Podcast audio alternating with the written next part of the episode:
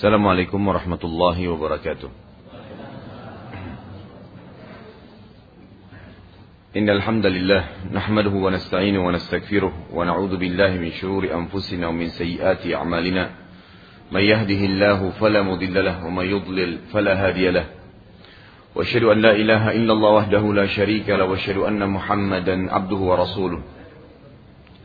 قال الله تعالى يا أيها الذين آمنوا اتقوا الله حق تقاته ولا تموتن إلا وأنتم مسلمون. وقال عز من قال أيها الناس اتقوا ربكم الذي خلقكم من نفس واحدة وخلق منها زوجها وبث منهما رجالا كثيرا ونساء. واتقوا الله الذي تساءلون به والأرحم إن الله كان عليكم رقيبا. وقال عز وجل يا أيها الذين آمنوا اتقوا الله وقولوا قولا سديدا. يصلح لكم أعمالكم ويكفر لكم ذنوبكم ومن يطع الله ورسوله فقد فاز فوزا عظيما أما بعد فإن أصدق الحديث كتاب الله وخير حدي حدي محمد صلى الله عليه وسلم وسلم وشر الأمور محدثاتها فإن كل محدث بدعة وإن بدعة ضلالة وإن ضلالة في النار Bapak Ibu sekalian rahimani rahimakumullah. Kita menyambung bahasan tentang As-Sirah An-Nabawiyah kalau saya tidak salah, pertemuan yang lalu kita sudah membahas tentang Nabi Ibrahim alaihissalam. Setelah pertemuan sebelumnya kita membahas panjang lebar tentang betapa pentingnya atau seberapa penting mempelajari as-sirah an-nabawiyah. Dan sudah saya sebutkan alasan kenapa kita tidak mulai dari lahirnya Nabi besar Muhammad sallallahu alaihi wasallam. Karena memang kita ingin mengetahui bagaimana kondisi Jazirah Arab juga kota Mekah secara khusus sebelum lahirnya dan diutusnya Nabi besar Muhammad sallallahu alaihi wasallam. Agar lebih jelas bagi kita ya, bagaimana kiprah beliau dalam berdakwah, bagaimana keadaan masyarakat Mekah pada saat itu dan apa yang sedang mereka lakukan. Juga jauh sebelumnya kita sudah membahas juga tentang dari mana asalnya penduduk Mekah. Yang tadinya Mekah itu adalah sebuah lembah kosong, tidak ada penduduk. Bahkan dalam Al-Quran diceritakan Nabi Ibrahim mengatakan pada saat meninggalkan Hajar dan Ismail, biwadin ghairi dhi dhar'in inda baitikal muharram. Ya Allah, aku sudah meninggalkan keluargaku, Hajar dan Ismail. Ya. Di sebuah lembah yang lembah itu sendiri tidak ada bahkan pohon ya sama sekali jangankan pohon hidup ranting kering pun tidak ditemukan di lembah Mekah. Lalu Nabi eh, lalu Hajar dan Ismail tinggal di sana sebagaimana sudah kita panjang lebar jabarkan bagaimana ya Allah Azza wa Jalla akhirnya mengeluarkan air Zam-Zam dari kepakan sayapnya ya, Jibril alaihissalam. Kemudian mereka berdua hidup di situ dan Allah Subhanahu wa taala ya, mengutus golongan masyarakat pertama yang membentuk komunitas di Mekah ya di zaman Nabi Ibrahim alaihissalam setelah Ismail dan Hajar suku yang keluar dari wilayah Yaman yang pada saat itu Yaman ya terjadi sebuah bencana besar karena bendungan mereka yang dikenal di dalam Al-Quran dan Sunnah Nabi Sallallahu Alaihi Wasallam dengan Saddul Ma'rib bendungan yang telah ada di sana kemudian Allah hancurkan bendungan tersebut karena mereka tidak beriman kepada Allah tidak bersyukur Lalu keluarlah suku-suku Arab dari wilayah Yaman yang memang asalnya orang-orang Arab hanya di wilayah Yaman. Salah satu suku yang keluar dari Yaman untuk mencari tempat hidup yang baru adalah suku Jurhum. Suku Jurhum ini keluar dari wilayah Yaman dari selatan Jazirah Arab menuju ke utara Jazirah Arab negeri Syam. Syam ini adalah ya Libanon, Syria, Palestina dan Yordania sekarang. Di tengah jalan dari selatan Jazirah Arab menuju ke utaranya, mereka melewati sekitar Mekah dan mereka dikagetkan karena melihat di atas wilayah Mekah ada sekelompok burung yang sedang mengelilingi wilayah tersebut yang biasanya tanda-tanda bagi orang yang faham di padang pasir kalau ada burung yang berterbangan di sekitar lokasi tersebut berarti ada air di sana. Maka mereka pun mampir ke sana kemudian menemukan ada Hajar dan Ismail yang duduk ya, di sekitar air zam-zam.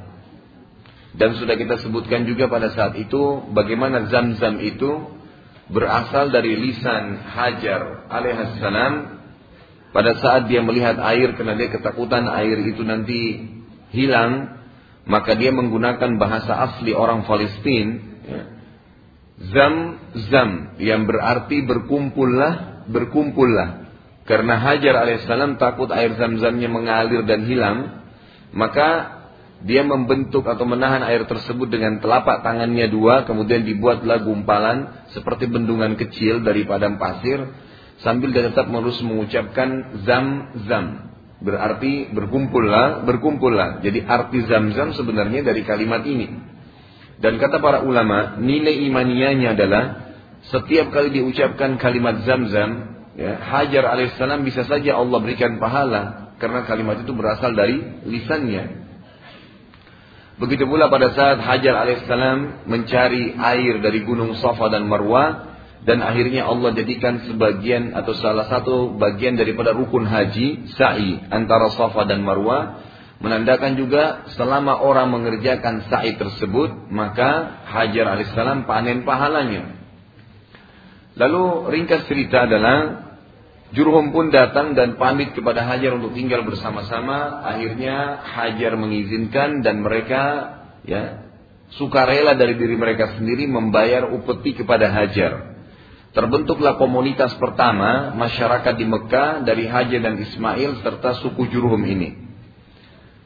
Ismail alaihissalam pada saat pun besar, ya tumbuh besar, maka Ismail alaihissalam menikah dengan salah satu anak kepala suku Jurhum. Yang tadinya Ismail alaihissalam tidak ya tidak ya, menggunakan bahasa Arab. Karena Nabi Ismail alaihissalam bukan dari turunan orang Arab tapi karena dia menikah dengan anak suku Jurhum yang mereka adalah asli orang Arab maka keluarlah istilah dari para ahli sejarah.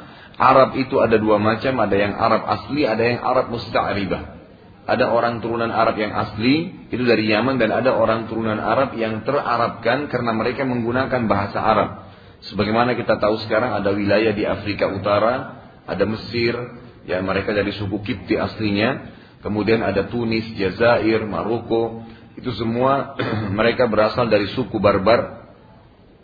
Kemudian ada Libya, ya, ada e, Sudan, semua itu juga dari suku-suku asli dari Afrika di daerah uh, wilayah yang lain.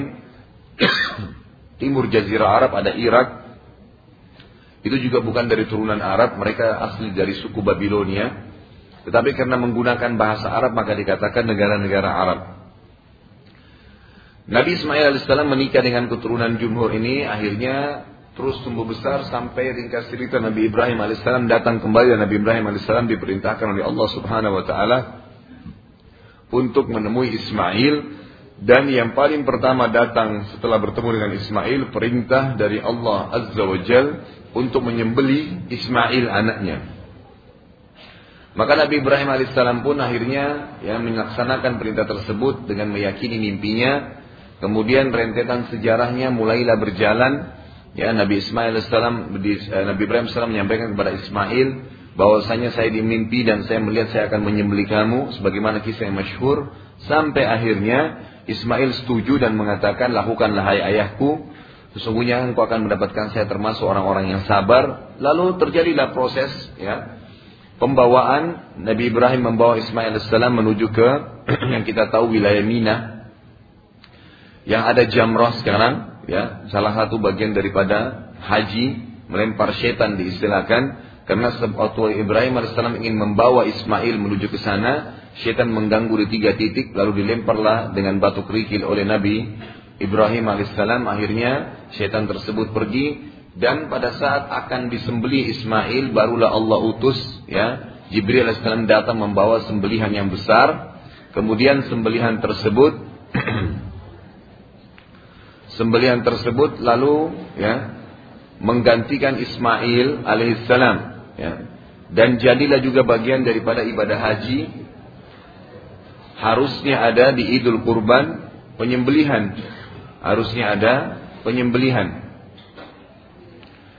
Rentetan setelahnya adalah Allah Subhanahu wa taala memerintahkan Nabi Ibrahim dan Nabi Ismail alaihi wassalam untuk membangun Ka'bah. Untuk membangun Ka'bah. Lalu Nabi Ibrahim alaihissalam pun membangun Ka'bah dengan Ismail sampai selesai seperti yang kita saksikan sekarang.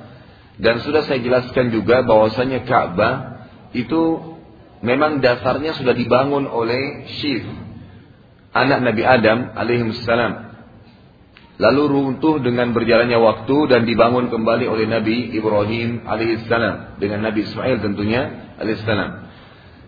Semenjak membangun atau selama membangun Ka'bah, Nabi Ibrahim alaihissalam selalu setelah menyusun batu mundur ke belakang untuk melihat posisi batunya sudah pas atau belum, bangunannya sudah stabil atau belum.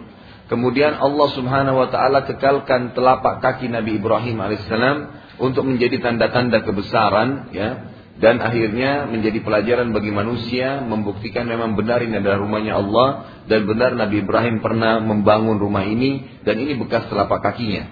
Sebagaimana Allah sebutkan dalam Al-Qur'an ya.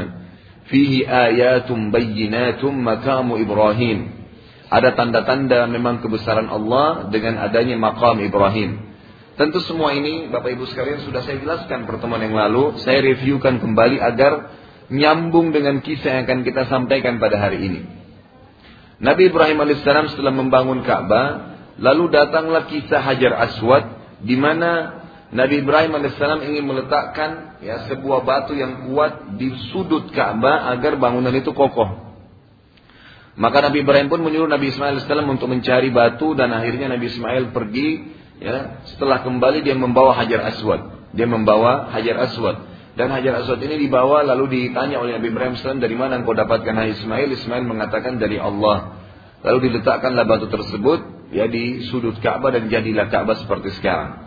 Hanya saja yang perlu anda titik beratkan di sini, Ka'bah itu dasarnya dibangun oleh Nabi Ibrahim alaihissalam sangat besar. Ya.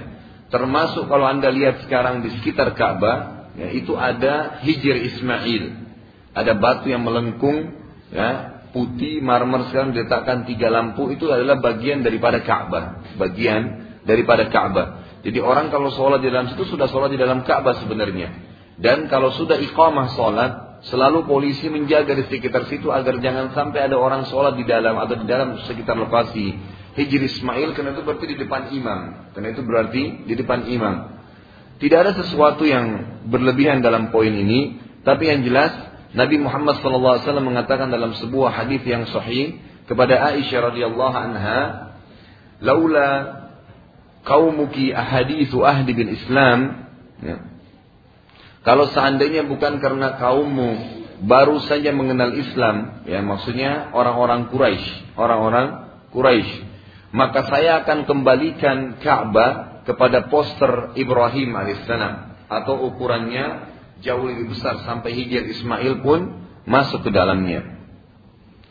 Setelah Ka'bah dibangun lalu Allah Subhanahu wa taala memerintahkan perintah yang ketiga kepada Nabi Ibrahim alaihissalam untuk mengumandangkan ibadah haji. Mengumandangkan ibadah haji dengan suara yang lantang. Lalu Nabi Ibrahim alaihissalam sempat bertanya kepada Jibril, bagaimana bisa ya suara saya bisa sampai ke seluruh manusia sementara manusia-manusia ini ya sangat jauh Kata Jibril AS, itu tugas kamu ya, hanya menyampaikan dan tugas kami, ya, cuma tugas kamu melaksanakan, tugas kami menyampaikan. Lalu Ibrahim AS menuju ke Padang Arafah dan naik ke Jabal Rahmah dan berteriak mengumandangkan haji. Dengan izin Allah, suara Ibrahim AS sampai ke seluruh pelosok muka bumi dan akhirnya orang-orang pun yang beriman kepada Allah datang dan mengerjakan ibadah haji. Setelah itu semua ya keadaan Mekah dalam dan jazirah Arab dalam keadaan bertauhid kepada Allah Subhanahu wa taala, mengisahkan Allah Subhanahu wa taala. Semua kisah Nabi Ibrahim alaihissalam yang kita rentetkan atau ulangi tadi itu Anda bisa baca dalam surah Az-Zariyat urutan 51 ayat 24 sampai 30. Itu menceritakan tentang kisah awal Nabi Ibrahim alaihissalam ya mendapatkan berita gembira tentang akan melahirkannya istrinya Sarah setelah mendapatkan anak Ismail dan melahirkan Ishak. Ini juga sudah kita jelaskan dulu. Kemudian kisah tentang Bagaimana Nabi Ibrahim alaihissalam akan menyembelih Ismail Anda bisa baca dalam surah Safat urutan 37 ayat 102 sampai 111. Ini cerita tentang tadi bagaimana Nabi Ibrahim alaihissalam diperintahkan untuk menyembelih anaknya Ismail dan akhirnya ditukar dengan sembelihan yang besar. Lalu kisah tentang pembangunan Ka'bah dan perintah agar memanggil orang-orang untuk haji, Anda bisa baca dalam surah Al-Baqarah ya, urutan 2 dalam Al-Quran ayat 125 sampai 29 sampai 129. Juga Anda bisa membaca dalam surah Al-Imran urutan 3 ayat 97. Termasuk juga perintah agar menjaga Ka'bah dari perbuatan musyrik, ya, agar selalu hanya orang tawaf dan ibadah di situ dari perintah Allah kepada Ibrahim disebutkan dalam surah Al-Hajj urutan 22 ayat 26 sampai 29. Semua ini Bapak Ibu sekalian mungkin muncul pertanyaan kecil, kenapa Ustaz tidak baca ayatnya? Kenapa kok semua pintas-pintas saja? Karena ini sudah kita sampaikan pertemuan yang lalu. Dan ada titik poin penting kenapa saya review kembali karena ada sebuah kisah yang akan kita sampaikan pertemuan kita ini adalah kisah seseorang yang bernama Amru ibn Luhai. Siapa ini Amru ibn Luhai? Setelah syariat yang dibawa oleh Nabi Ibrahim alaihissalam diimani dan diamalkan di Jazirah Arab terutama di Mekah dan semua orang sudah mengetahui tidak bolehnya ber, berbuat syirik dan mereka bertauhid mengisahkan Allah rentetan sejarah mulai menyebutkan setelah Nabi Ibrahim alaihissalam meninggal, Nabi Ismail alaihissalam meninggal, jauh setelahnya suku Jurhum tadi yang kita bahas adalah suku yang keluar dari Yaman dan berkembang biak dan Nabi Ismail menikah dari mereka. Mulai berkembang pesat dan akhirnya menjadi komunitas yang sangat besar di Mekah.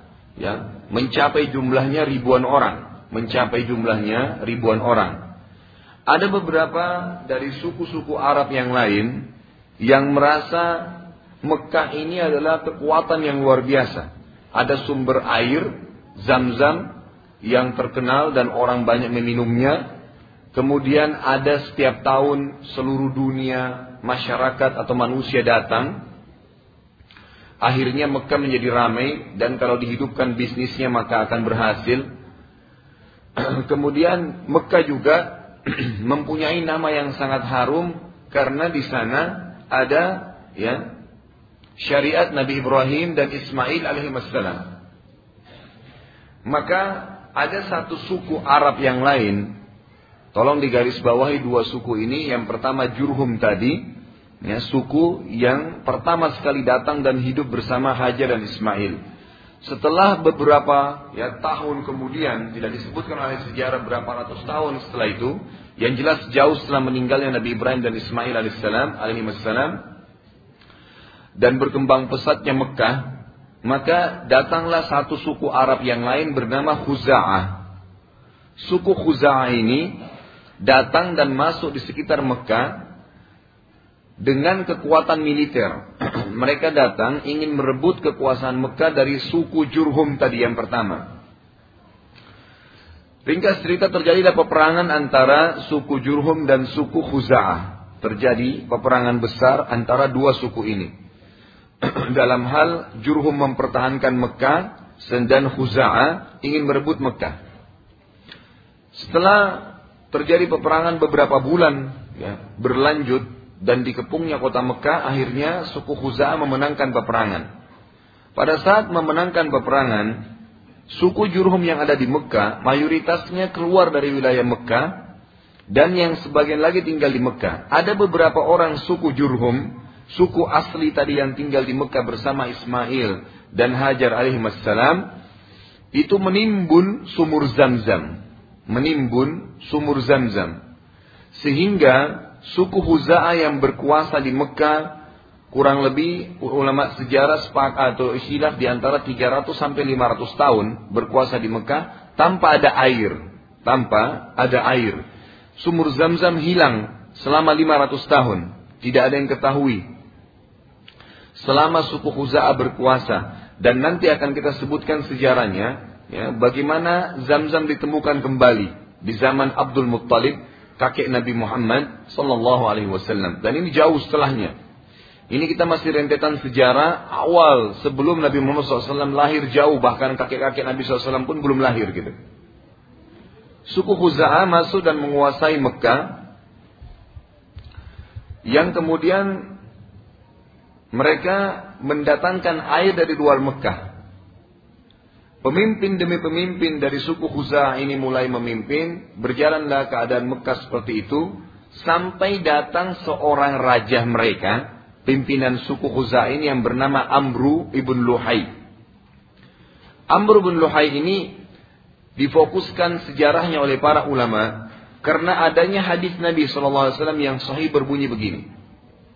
Saya diperlihatkan Amru bin Luhai oleh Allah di neraka, dia akan nanti siksaannya di neraka.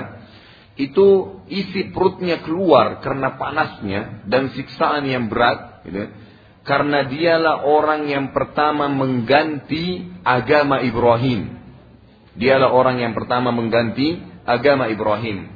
Para ulama sejarah menulis judul orang atau judul dalam buku-buku sejarah mereka munculnya kemusyrikan pertama di jazirah Arab ya di tangan Amr bin Luhai.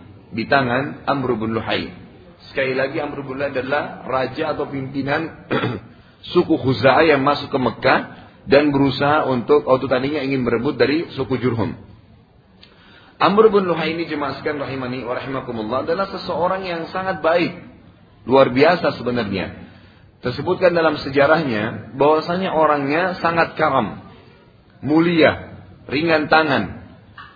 Sampai dinukil dalam buku-buku sejarah dia kaya raya dan orangnya sangat ringan tangan sampai ya sampai dia membiayai dan memberikan, maksudnya memberikan makan dan minum seluruh jemaah haji pada saat itu sendirian. Dia tidak melibatkan orang.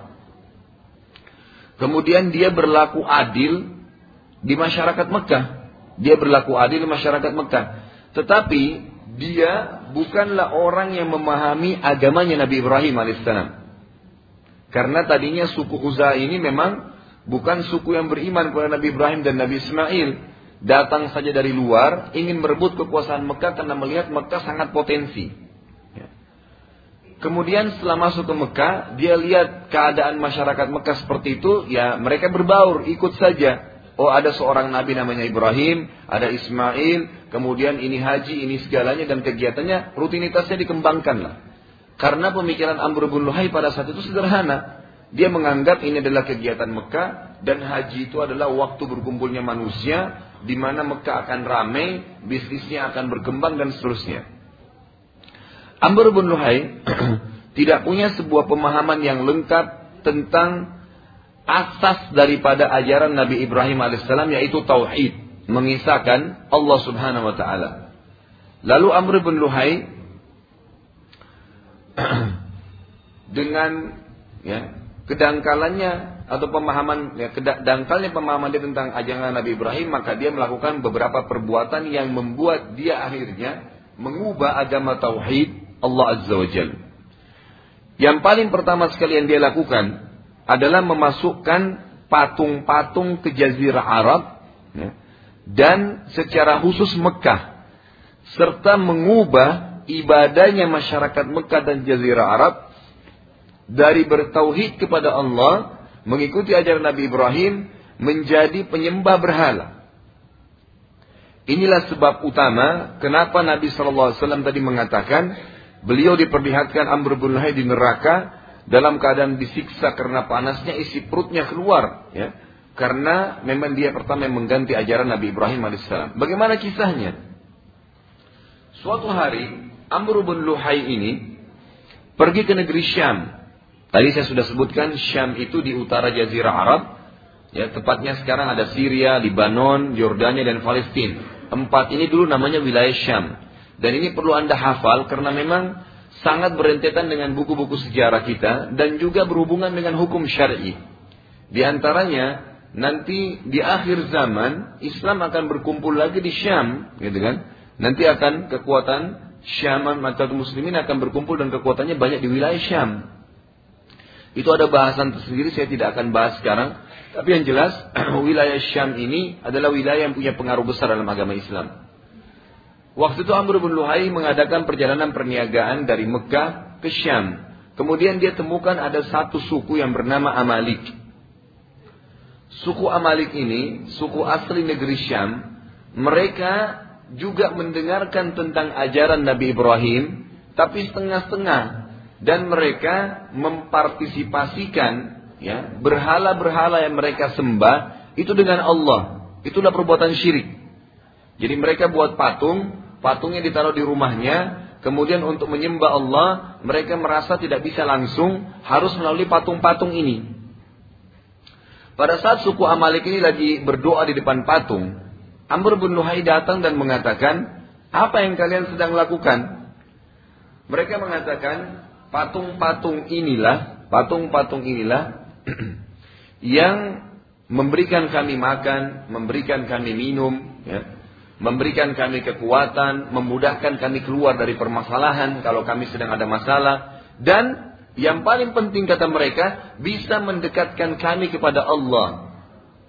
Jadi mereka menganggap patung-patung ini adalah perantara dengan Allah Azza wa Jal. Dan sudah saya titik beratkan selalu, Bapak Ibu sekalian Allah, Allah tidak butuh perantara. Allah Azza wa Jal telah mendidik kita dalam hukum-hukum wahyu yang diturunkan agar langsung connect kepada Allah.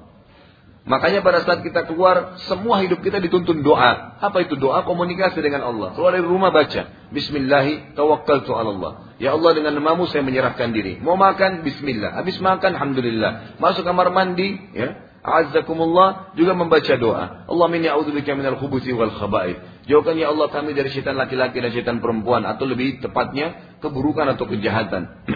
Lalu keluar dari kamar mandi, baca gufranak, pengampunan hai Tuhanku. Mau tidur, baca doa. Bangun tidur, baca doa. Mau apa saja, baca doa. Maksudnya apa? Agar kita faham dan terlatih dan terbiasa untuk langsung komunikasi dengan Allah. Nggak butuh perantara.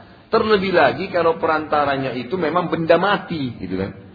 Orang pergi ke kuburan, sering kali ada orang yang jadi imam atau sholat, dalam sholatnya mengatakan, Iya kana budu, wa iya kana stain. Hanya kepadamu ya Allah kami nyembah. Hanya kepadamu ya Allah kami minta tolong. Begitu selesai salam pergi kuburan sebelah masjidnya minta. Gitu kan. Mana konsekuensi perkataan tadi pada saat anda mengucapkan iyaka dan iyaka. Ternyata orang-orang kafir Quraisy di Mekah pun Bapak Ibu sekalian Allah sama konsepnya. Allah ceritakan dalam Al-Qur'an A'udzubillahi minasyaitonirrajim wa idza sa'altahum man khalaqas samawati wal arda wa sakhkhara asy-syamsa wal qamara la yakuluna Allah. Hai Muhammad, kalau engkau tanya orang-orang kafir Quraisy, ya, tanya mereka, siapa yang menciptakan langit dan bumi, siapa yang telah mengatur bulan dan matahari, matahari dan bulan, maka mereka akan mengatakan ada Tuhan namanya Allah. Lalu ditanya, kalau begitu kenapa kalian sembah berhala-berhala ini untuk apa? Lalu mereka menjawab dan Allah kekalkan juga dalam Al-Quran, A'udzubillahi minasyaitonirrajim, ma na'buduhum illa liyuqarribuna ila Allahi zulfa. Kami nggak sembah berhala-berhala ini kecuali kami jadikan perantara antara kami dengan Allah. Sementara Allah Azza wa Jal tidak membutuhkan perantara. Para sahabat Nabi, Bapak Ibu sekalian Allah, kalau sendal mereka putus, mereka mengangkat tangan ke langit mengatakan, Ya Allah, sendal saya putus, gantikanlah.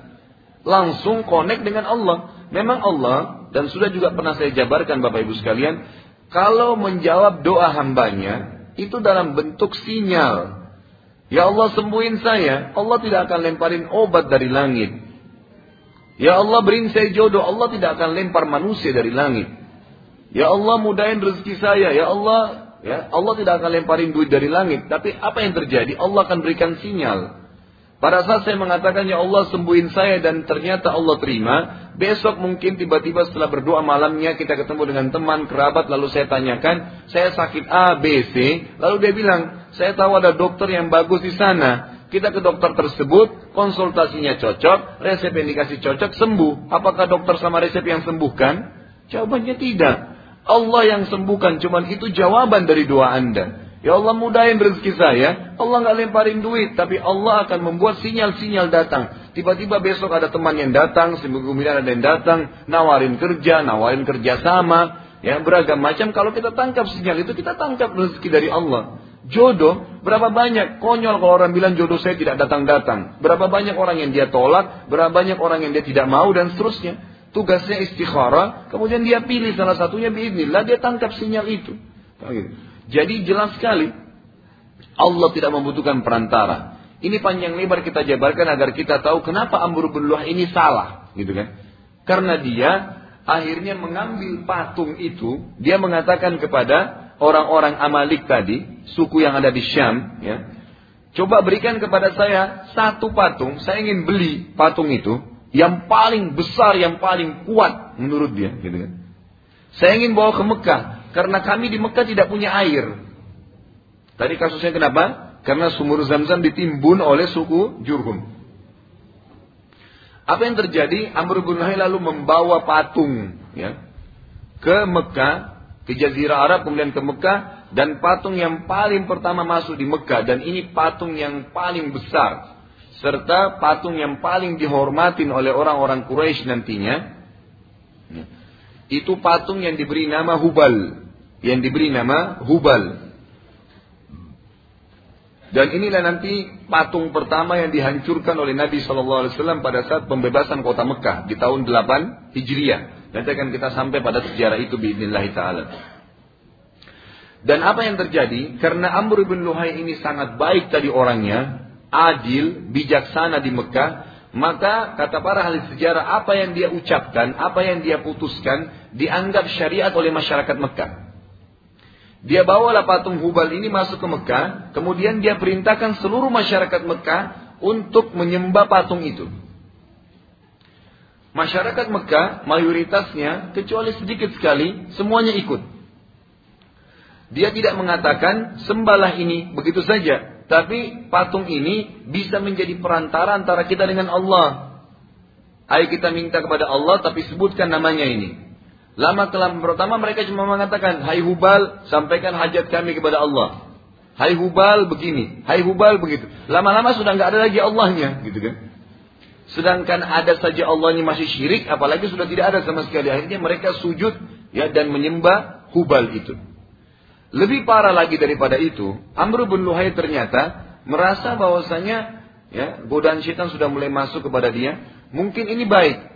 Lalu dia mendatangkan ya banyak patung-patung karena memerintahkan setiap suku yang ada di Mekah. Jadi tadinya induknya suku di Mekah itu ada Jurhum dan ada Huza'ah saja, dua setiap suku kalau sudah mulai besar gitu kan siapa yang ditokohkan di antara mereka itu bisa membentuk suku baru. Misalnya dari suku Jurhum sendiri ya nanti kita tahu Quraisy itu sendiri nama orang nama kakek Nabi Shallallahu Alaihi Wasallam. Salah satu yang namanya Quraisy dari turunan Jurhum karena Quraisy ini orang yang sangat kuat secara fisik punya pengaruh di masyarakat kaya raya punya keturunan banyak maka dia ditokohkan, dinisbatkanlah di namanya dia suku. Gitu ya. Awalnya dia dari Jurhum, jadi ini cabang. Jadi setiap suku induk itu punya cabang-cabang suku yang lain gitu. Nah ini di antaranya suku-suku sudah mulai banyak berkembang dari Jurhum dan Huza'ah di Mekah. Lalu Amr bin Luhai memberikan keputusan setiap suku itu wajib hukumnya memiliki patung masing-masing. Setiap suku. Jadi suku A punya patung di pintu masuk pemukiman mereka. Dulu suku itu misalnya suku A itu tinggal satu lokasi. Jadi misalnya 100 kakak, 200 kakak, orang tahu ini suku A. Di sebelahnya, wilayah sebelah sana ada suku B dan seterusnya. Maka setiap suku punya patung masing-masing yang mereka sembah. Lalu yang lebih besar lagi daripada itu, ya, Amr bin Luhai memasukkan dan menambah patung-patung bukan cuma di Mekah, ya, tapi di Jazirah Arab. Karena pada tahun pada tahun pertama dia masukkan patung-patung itu, banyak jemaah haji yang datang dari seluruh pelosok muka bumi yang beriman kepada Allah pada saat itu, kemudian melihat masyarakat Mekah sembah patung. Mereka pun tidak tahu apa itu, lalu mereka menganggap itu kebaikan. Mulailah diikutin, mulailah diikutin. Maka mulailah tersebar patung-patung besar di Jazirah Arab yang mereka buat sendiri. Di antaranya ada patung Wud. Patung Wud ini banyak disembah oleh suku Kal. Ya, ini suku yang termasuk besar di Jazirah Arab. Kemudian ada Suwa. Ya, ini semua nama-nama disebutkan dalam Al-Quran ya. Nama-nama patung ini. Suwa ini juga adalah nama patung yang disembah oleh suku Huzail. Kemudian ada Yagus. Yagus disembah oleh suku Tai. Dan umumnya penduduk wilayah Jarash. Ini semua wilayah Jazirah Arab. Ya. Kemudian ada Ya'uk oleh penduduk wilayah Hamazan. Dan ya, ya, Yasar itu disembah oleh masyarakat Yaman. Dan yang paling luar biasa, ya, ini kata para ahli sejarah, menunjukkan memang zaman itu wajar dikatakan zaman jahiliyah ada dua patung Bapak Ibu sekalian yang bernama Isaf dan Nailah. Isaf dan Nailah punya kisah tersendiri. Isaf ini nama seorang laki-laki dan Nailah nama seorang perempuan. Dulunya, dulunya sebelum zaman Amr bin Luhai, jauh sebelumnya dia, Isaf dan Nailah ini saling suka ceritanya. Kemudian Isaf melamar Nailah dari orang tuanya, orang tuanya Nailah nolak. Nggak diterima. Zaman itu, caranya orang kalau ingin ketemu lebih mudah, janjian di musim haji. Jadi di musim haji mereka kumpul di Mekah semuanya, gitu kan. Maka Isa dan Naila janjian dari Yaman ketemu di Mekah. Mereka niatnya mau pergi haji. Setelah itu mereka lalai di depan Ka'bah di malam hari bukan seperti sekarang 24 jam ada orang tawaf, itu kalau malam udah mulai terbenam matahari sudah kosong Ka'bah pada zaman itu. Lalu dia ya berhubungan biologis atau berzina dengan Naila ini. Jadi Isaf dan Naila berzina di depan Ka'bah. Jadi sudah zina dosa besar depan Ka'bah lagi. Apa yang terjadi? Allah kutuk mereka menjadi batu. Dikutuk menjadi batu. Semua ahli sejarah mengangkat kisah ini. Lalu pada saat itu keesokan harinya masyarakat Mekah dikagetkan, akhirnya mereka mengambil sebagai sebagai ibrah. Isaf, ya patung Isaf ini yang dikutuk tadi ditaruh oleh masyarakat Mekah di Gunung Safa. Ya di Bukit Safa yang kita tahu kalau sudah pernah ke Mekah di tempat sa'i ada Safa dan Marwah di Gunung Safa. Kemudian Naila itu ditaruh patungnya di Marwah. Agar setiap kali orang yang sa'i pergi haji atau umrah itu melihat oh ternyata ini hati-hati kalau buat dosa di depan Ka'bah. Allah bisa kutuk langsung. Pada zaman Amr bin Luhai Orang sudah banyak lupa kisahnya Isaf dan Naila ini. Orang udah banyak lupa, udah zaman dulu gitu kan. Lalu Amr bin Luhai mengeluarkan keputusan agar patungnya Isaf dan Naila dibawa dekat Ka'bah lalu disembah. Ya. Ini satu keanehan. Orang yang dikutuk karena berzina disembah oleh mereka gitu. Ya. Ada sebuah kisah berhubungan dengan masalah penyembahan berhala dan kejahilan ini. Riwayat sahih menjelaskan tentang kisah ya, Umar bin Khattab radhiyallahu anhu. Di zaman khilafahnya Umar bin Khattab radhiyallahu anhu, Bapak Ibu sekalian itu beliau kadang-kadang tiba-tiba menangis, kadang-kadang beliau tiba-tiba tertawa. Tapi teman-temannya ini nggak ada yang berani nanya gitu kan. Satu waktu ada yang berani menanyakan mengatakan, "Hai Amir Mukminin, hai pemimpin orang beriman, Kenapa kadang-kadang Anda ketawa, nangis, kadang-kadang Anda ketawa? Apa sebabnya? Bisa kami tahu nggak? Lalu Umar berkata, dulu kami di zaman jahiliyah. Ini berhubungan dengan apa yang Amr bin Luhai sudah lakukan, itu bekasnya sampai ke sahabat-sahabat sebelum mereka masuk Islam gitu. Dan ini jauh, ratusan tahun sebelum sahabat-sahabat ada gitu. Mereka belum lahir ini kisahnya. Tapi ini rentetan yang luar biasa. Dia mengubah semua ya ajaran Nabi Ibrahim alaihissalam mayoritasnya di tangannya dia. Umar mengatakan, ada sebuah pemahaman di Mekah dulu bahwasanya kami membenci sekali anak perempuan. Setiap kali ada anak perempuan, kami bunuh, gitu kan? Yang hidup paling cuma dua tiga orang untuk melanjutkan generasi. Selebihnya enggak. Maka ada sebuah dogma atau doktrin di tengah masyarakat Mekah pada saat itu, kalau ada anak perempuan berarti aib bagi dia. Berarti aib. Maka Umar mengatakan, satu hari pernah saya dikaruniai informasi, ya berita tentang lahirnya anak perempuan saya. Saya sayang, tapi tekanan-tekanan dari masyarakat menganggap itu aib berat sekali. Dan saya sabar sampai umur anak itu enam tahun. Setelah itu, lalu saya membawanya ke padang pasir, saya gali dan saya tanam dia hidup-hidup. Maka saya sedih, kenapa itu terjadi? Tapi itu zaman jahiliyah, tidak ada hisapnya, gitu kan? Jadi Allah SWT tidak akan menyalahkan itu karena Umar sudah masuk Islam tentunya. Dan akhirnya e, sebagaimana dalam hadis Nabi SAW, kalau orang masuk Islam maka perilaku dia yang lalu diubah menjadi pahala gitu kan. Konseptualnya, Ditanya lagi atau lanjutannya, lalu kenapa anda tertawa? Dia bilang, ini jadi saksi bahasan kita.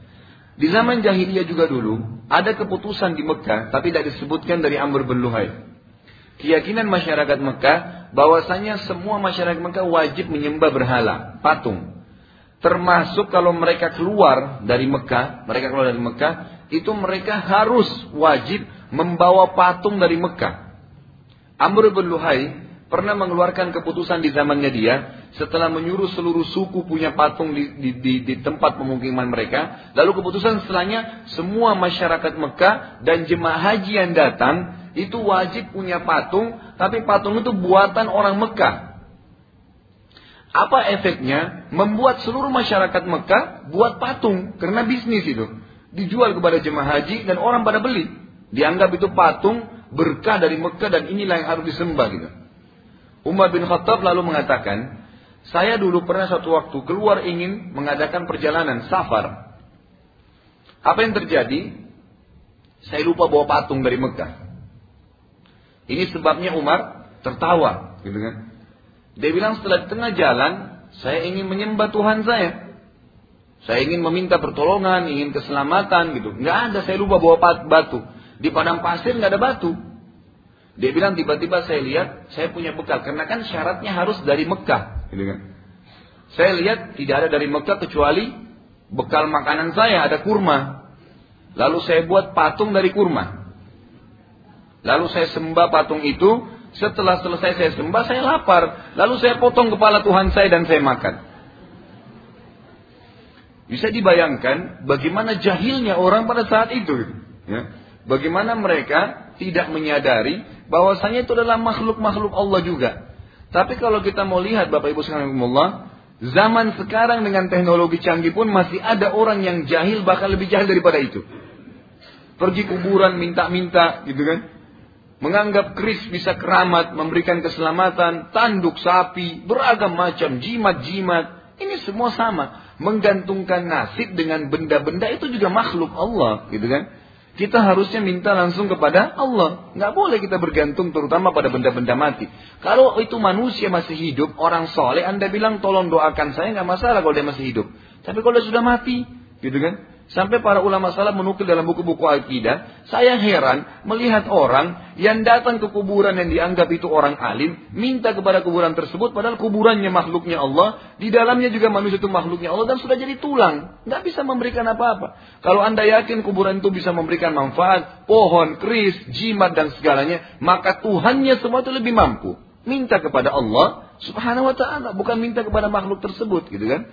Kita boleh menggunakan mereka sebagai fasilitas saja untuk kehidupan kebutuhan dan segalanya. Sifatnya bukan hak ilahiyah. Tapi kalau sudah sampai hak ilahiyah, itu tidak boleh lagi.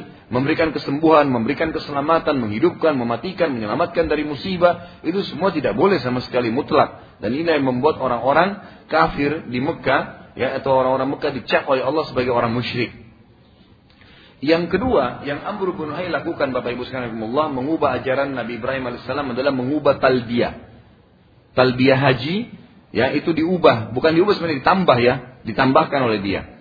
Jadi talbiyah yang masyhur dari zaman Nabi Ibrahim alaihissalam dan akhirnya menjadi syariat Nabi Muhammad sallallahu alaihi wasallam adalah yang kita sudah hafal sama-sama labbaik Allahumma labbaik. Kata-kata labbaik ini berarti saya menjawab panggilanmu ya Allah dengan sopan, Ya, jadi kata-kata labbaik dan saya selalu tekankan dalam pengajian-pengajian saya setelah menjelaskan masalah ini, ajarkan kepada anak-anak Anda kalau Anda panggil namanya misalnya biarkan mereka mengatakan labbaik. Karena kata-kata labbaik itu sebenarnya bagus sekali.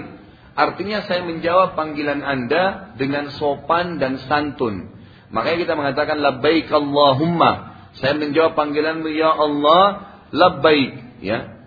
Benar-benar saya patuh dan siap untuk diperintah. Ya.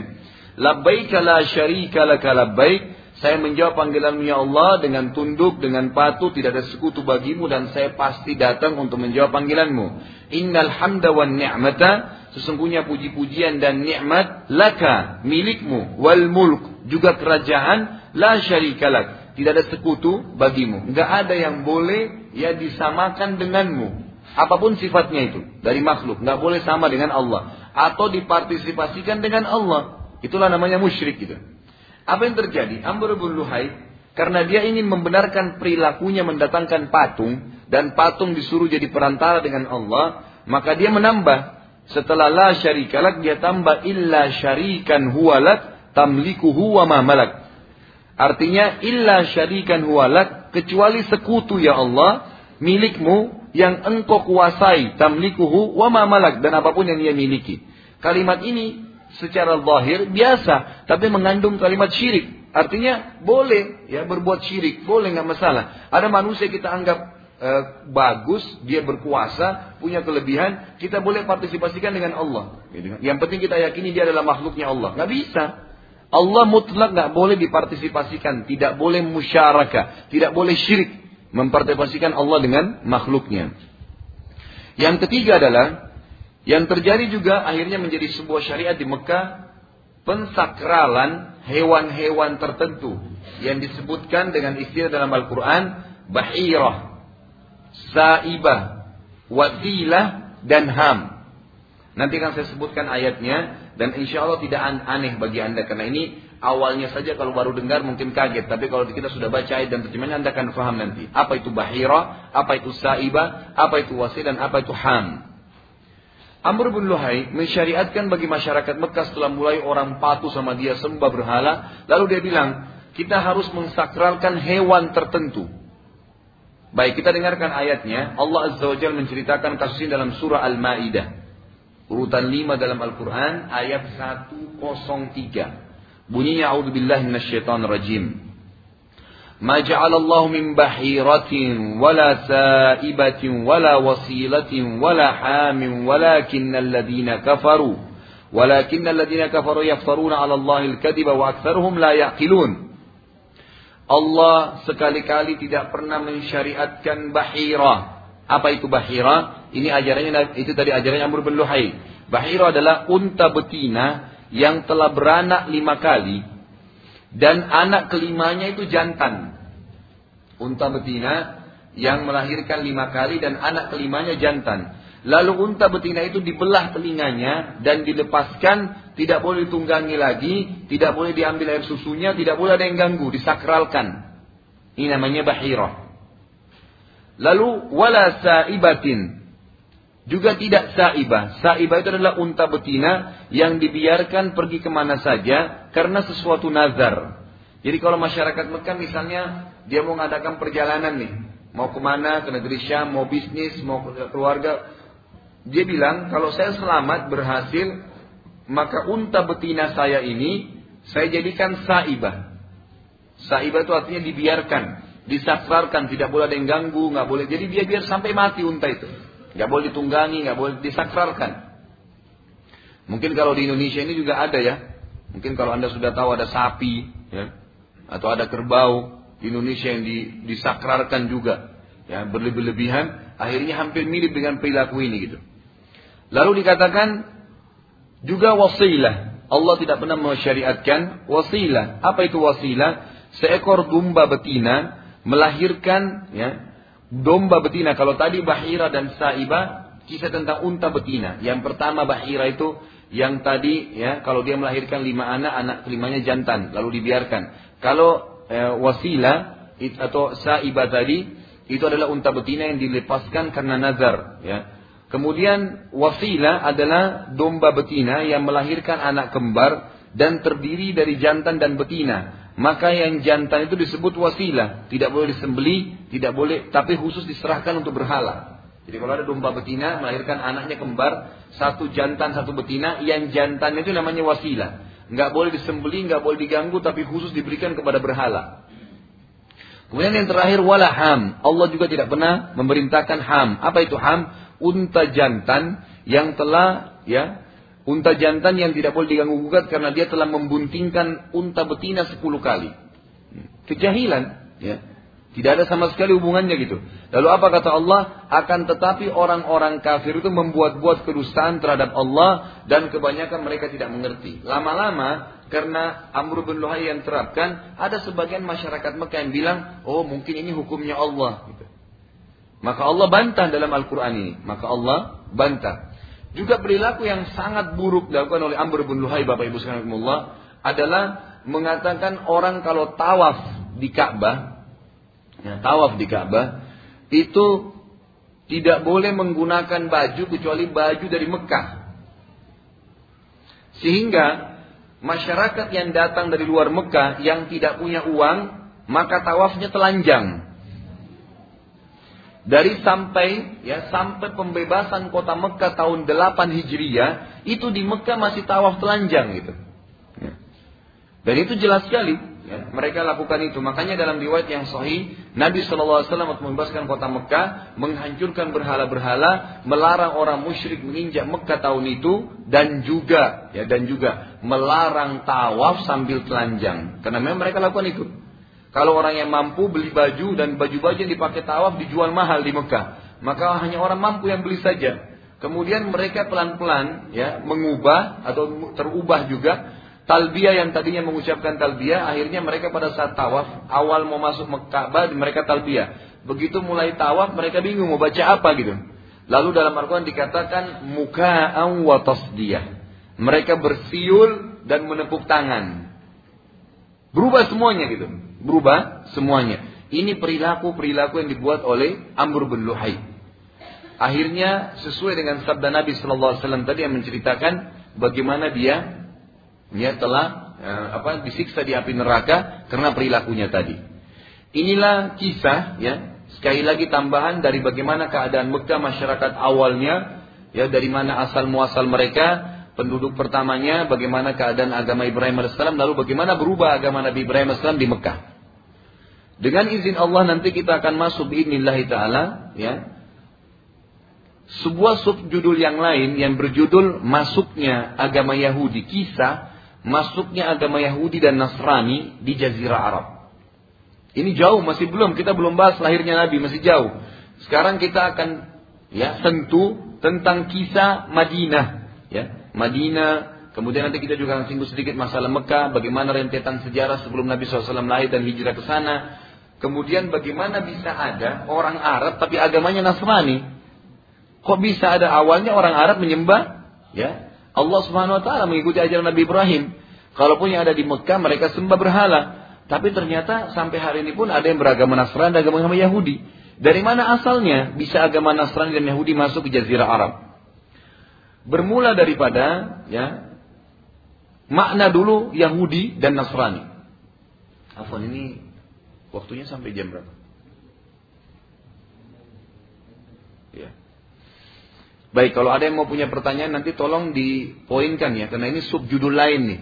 Sekarang kita tinggalkan Mekah dulu. Sudah selesai Mekah ceritanya. Kita masuk ke subjudul yang lain nih. Judulnya kisah masuk Islam masuknya agama Yahudi Nasrani ke Jazirah Arab. Beda. Tapi nanti bersambung ceritanya. Nanti bersambung. Cuman ini sub yang lain. Jadi kalau anda punya pertanyaan tadi berhubungan dengan Amr bin Luhai, dicatat memang gitu supaya nggak lupa.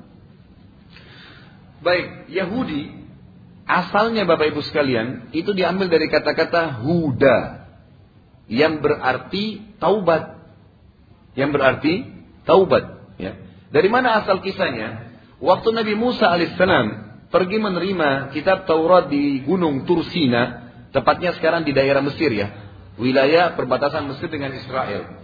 Jadi diperebutkan antara Mesir dengan Israel tapi sekarang masuk wilayah Mesir gitu.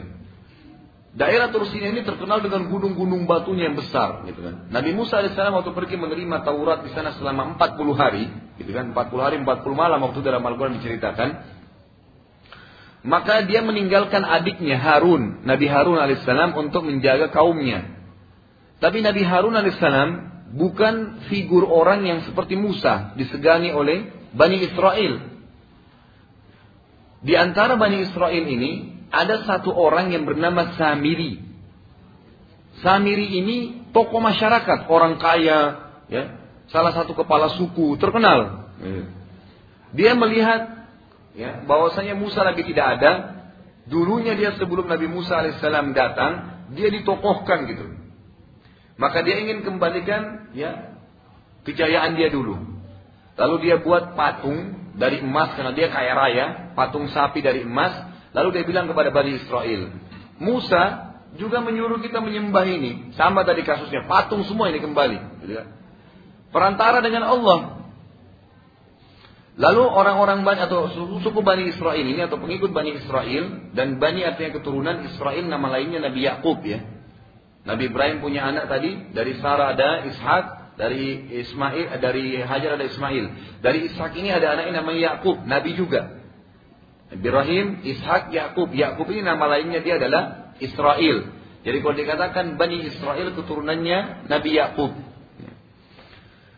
Kemudian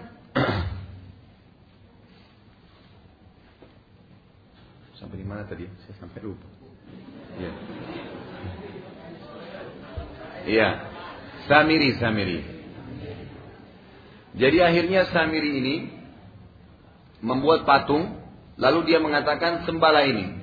Bani Israel mengikutinya mengikutinya. Nabi Harun coba ingatkan tidak mau diikutin. Lalu mereka sepakat mengatakan nanti aja kalau seandainya Musa kembali kepada kami, baru kami mau tanya Musa. Kalau kamu Harun kami nggak mau ikutin.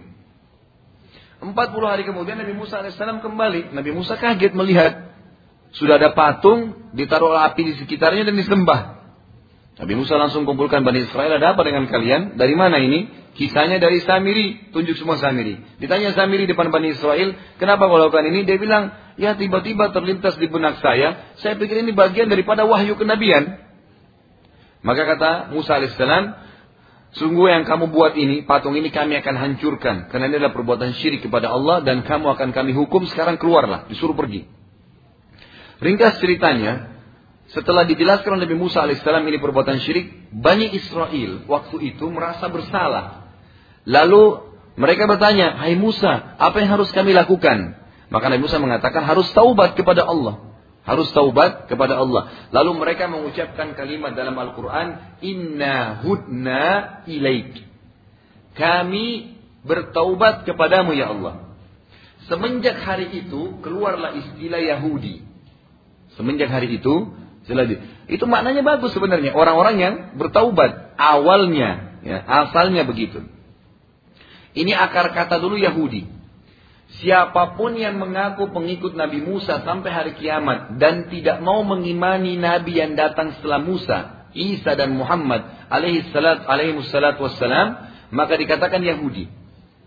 Siapa pun yang mengaku sekali lagi pengikut Nabi Musa dan memang dia menolak risalahnya Nabi Isa dan Nabi Muhammad alaihi wassalatu wassalam, maka dikatakan Yahudi. Ini dulu definisinya. Lalu Nasrani, siapa itu Nasrani? Nasrani atau orang-orang ya Nasara diambil juga dari akar kata Nabi Isa alaihissalam pada saat melihat butuh membentuk pasukan untuk berjihad di jalan Allah, maka Nabi Isa berkata dalam Al-Quran, Man ansari ilallah. Ansar berarti penolong. Jadi kata-kata Nasara itu diambil dari kata-kata Nasara yang suruh. Artinya memenangkan atau menolong. Akar kata juga yang baik sebenarnya. Gitu kan? Karena Nabi Isa AS mengatakan siapa yang mau menjadi penolong agamanya Allah. Qala al-hawariyuna nahnu ansarullah. Berkatalah hawariyun. Orang-orang yang sahabat Nabi Isa AS Nahnu ansarullah. Kami akan menjorong menjadi penolong agama Allah. Keluarlah istilah Nasara dari situ. Keluarlah istilah Nasara dari situ. Baik. Dari dua kelompok ini Yahudi dan Nasrani, ini yang disebutkan oleh Abdullah ibn Abbas radhiyallahu anhu dalam tafsir surah Al-Fatihah. Abdullah ibn Abbas mengatakan kalimat yang kita baca di akhir Al-Fatihah ghairil maghdubi alaihim waladdallin bukan orang-orang yang engkau murkahi ya Allah, mereka adalah Yahudi. Waladhalin bukan orang sesat ya Allah, siapa mereka Nasrani. Apa sebabnya? Tadi akar katanya bagus. Taubat dan penolong Allah. Kenapa Ibnu Abbas mengatakan begini? Iya. Jawabannya adalah karena orang-orang Yahudi, ya orang-orang Yahudi itu mereka mengenal Nabi Muhammad SAW, tahu risalahnya, gitu kan? Tapi tidak mau beriman. Alasannya apa? Cuma satu, kebodohan, ya, fanatisme. Mereka bilang apa? Mereka berharap nabi terakhir nanti yang keluar di jazirah Arab, tepatnya di kota Madinah, ya, itu harusnya dari keturunan ya, Bani Israel. Berarti dari jalurnya Sarah, anaknya Ishak, Yakub. Kan setelahnya datang, habis Yakub datang Yusuf, kemudian Musa, kemudian Daud, Sulaiman, Isa. Namanya nabi-nabi Bani Israel. Ya. Di, mereka berharap ya dengan pikiran mereka nabi terakhir setelah Isa nanti itu akan datang dari Bani Israel. Ternyata Nabi Muhammad SAW datang dari jalur yang kedua. Juga sama dari Ibrahim alaihissalam juga Ismail, dari Ismail tidak ada nabi keturunannya sampai tibanya Nabi Muhammad SAW. Nabi Muhammad SAW adalah keturunan Ismail. Apa yang mereka bilang fanatisme bodohnya? Mereka bilang Muhammad turunannya Ismail. Ismail ibunya Hajar. Hajar ini bekas budaknya Sarah. Gitu. Mustinya dari turunan Sarah. Kekonyolan gitu kan. Makanya Allah mengatakan dalam Al-Quran tentang sifat mereka. A'udzubillah minasyaitonirrajim. Ya'rifunahu kama ya'rifuna abna'ahum. Orang-orang Yahudi itu mengenal Nabi Muhammad SAW seperti mereka mengenal anak mereka sendiri. Mereka tahu ini, ini Muhammad, ini orang, ini Nabi.